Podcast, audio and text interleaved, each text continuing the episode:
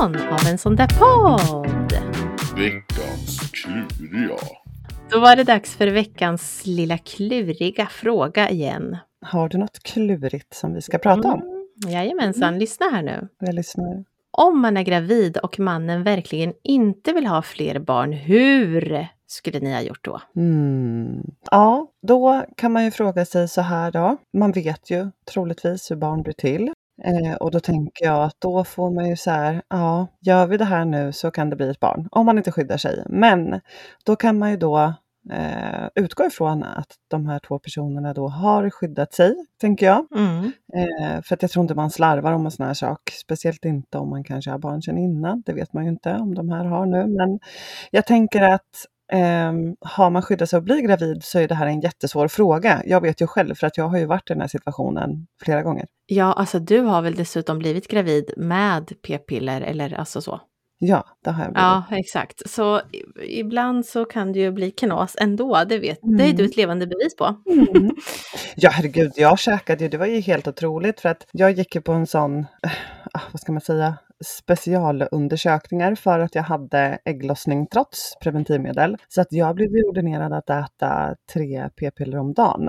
Eh, och så fick jag gå på kontroller och så kollade de ifall jag hade ägglossning och det hade jag ju då. Eh, och då var jag gravid med tvillingar, så det var ju så här, man tror inte det är sant, men läkaren sa att du är ett levande bevis för att eh, du är ett medicinskt unikum.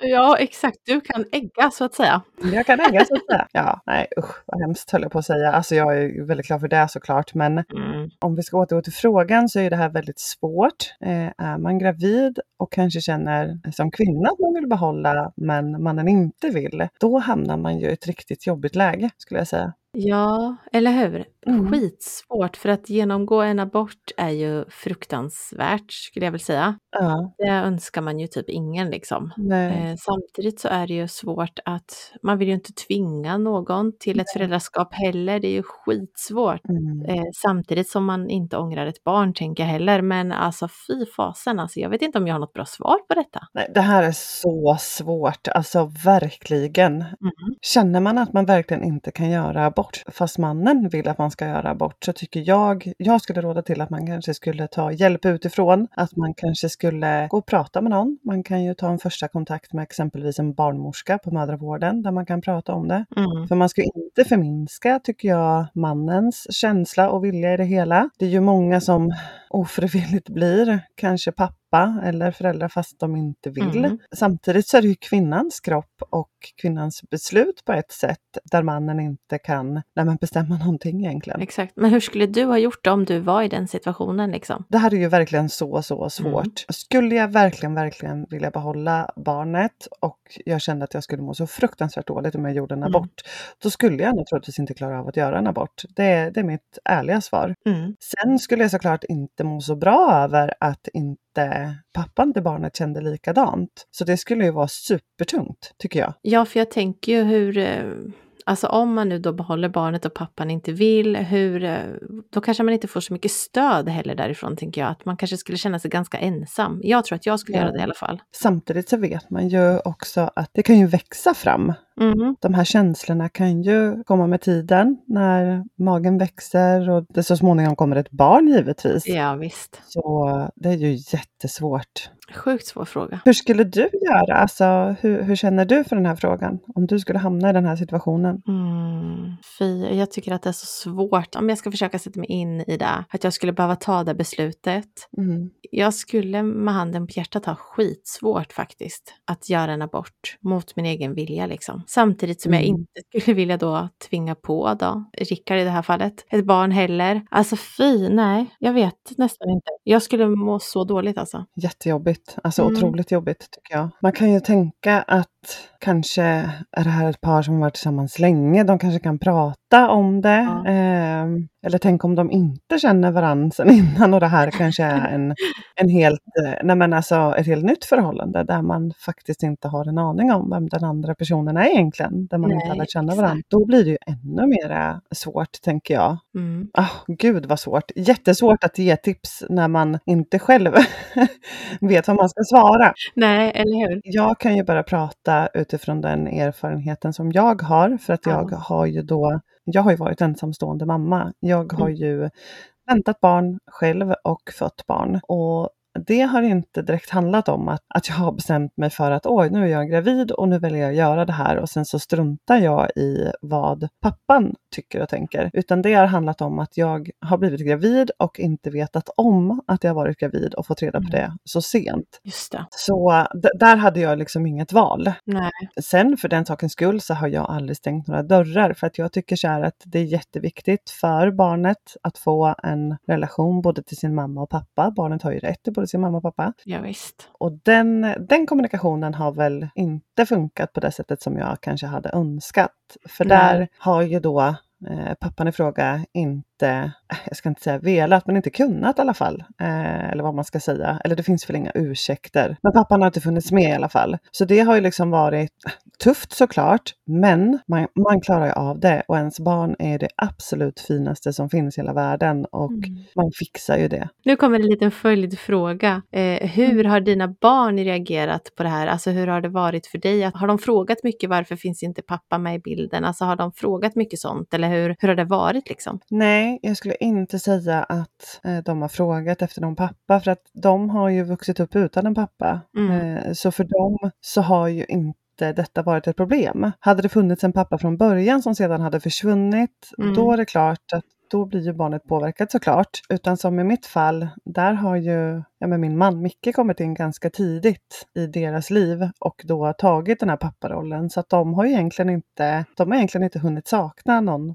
någon pappa, någon biologisk pappa eller vad man ska säga. Nej, just det. Och Micke har ju aldrig gjort någon skillnad på mina barn som jag har fått sedan innan och våra barn som vi har fått ihop. Utan Nej. vi, vi är liksom en familj och eh, alla barn lika värda och ingen big deal av det liksom. Nej, precis. Men det är väl där jag tänker det, det absolut viktigaste då när man kanske träffar någon som har barn sedan innan. Att det är viktigt att Mm. fånga barnens hjärta först kanske innan. Mm, men så är det ju och jag tänker att det ligger ju mycket ansvar hos mig som mamma då i det här fallet att jag gjorde ju klart från början att jag har barn sedan innan. Det finns kanske ingen pappa med just här och kommer du in i vårt liv så är det bra om vi pratar om det här innan så att inte det blir ett issue senare. Hur, hur ska vi Exakt. förhålla oss till det här? Vem ska du vara för barnen? Vem vill du vara för barnen? Mm. Och framför allt så kanske man måste lära känna varann utanför barnen först så att man verkligen vet om man ja, men tycker om varandra och passar ihop och vill leva ihop med varandra. Ja, visst. Sen är det också viktigt, och det vet jag att jag sa till Micke, att när vi väl hade bestämt oss att ja, men, vi tycker om varandra och vi vill leva tillsammans, så Ja. var ju kravet också att mina barn skulle acceptera honom. Såklart. Så vi träffades ju ganska mycket,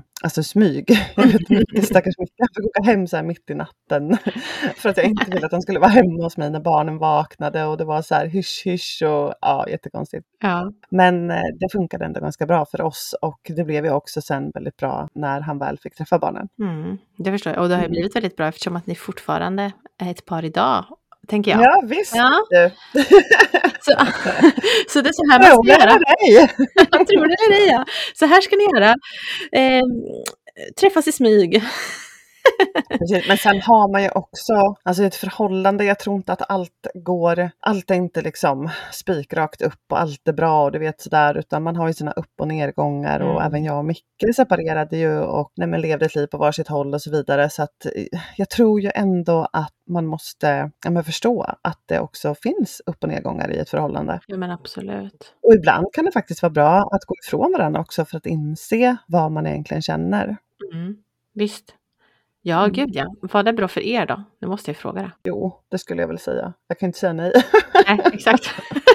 Men sen är det också som med den här frågan nu då. Vi, nu vet vi ju inte bakgrunden till det här. Eh, ifall det är ett par som har varit tillsammans länge eller ifall de precis har träffats. Och återigen så är det ju skitsvårt vad Mm. man ska svara. Men oavsett så tycker jag att man ska prata mycket om det. Eh, verkligen tänka igenom beslutet för det är ett väldigt stort beslut man tar. Är det ett par som har barn sedan innan kanske så får man väl så här, ah, tänka på för och nackdelar. Varför ska vi behålla barnet? Varför skulle vi absolut inte behålla barnet? Och vad är det som gör att då kanske inte han vill? Mm. Är det att han känner sig låst på något sätt eller att, det blir, eh, att man känner att det blir mycket att göra, att det blir för tufft? Det finns så mycket att väga in i det här och därför är det så svårt att säga på rak arm vad man ska göra. Eller hur? Jag tror också framför allt att man ska känna efter vad som känns rätt i hjärtat. Det värsta var att personen skrev hur vi skulle göra och det tyckte jag var jobbigt för jag vet ju ta mig tusan inte hur vi skulle göra. Så svårt att svara på alltså. Jag måste ändå säga att jag, alltså hade jag känt att jag verkligen inte kunde göra en abort så skulle jag absolut inte tvinga mig själv till att göra det. det, det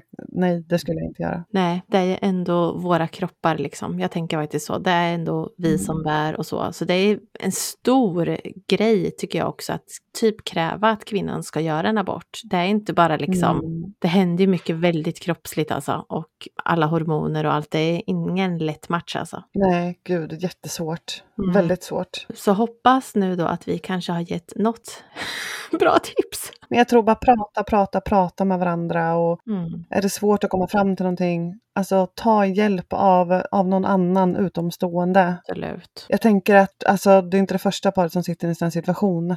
Och jag Nej. tänker att som kanske på mödravården eller så, så sitter de ju på väldigt mycket kunskap och erfarenhet kring Mm. sådana här frågor. Så det är väl ändå mitt tips att höra av sig dit. Mycket klurig fråga och eh, om vi gav något bra tips, inte jag, men du tyckte jag ändå gav mycket bra tips. Så hoppas att vi hjälpte någon på vägen i alla fall. Och är det någon som lyssnar på det här som kanske sitter på lite mera tips eller eh, kanske har erfarenhet av det här så får ni jättegärna kommentera på vårt Instagramkonto ensandarpodd.se.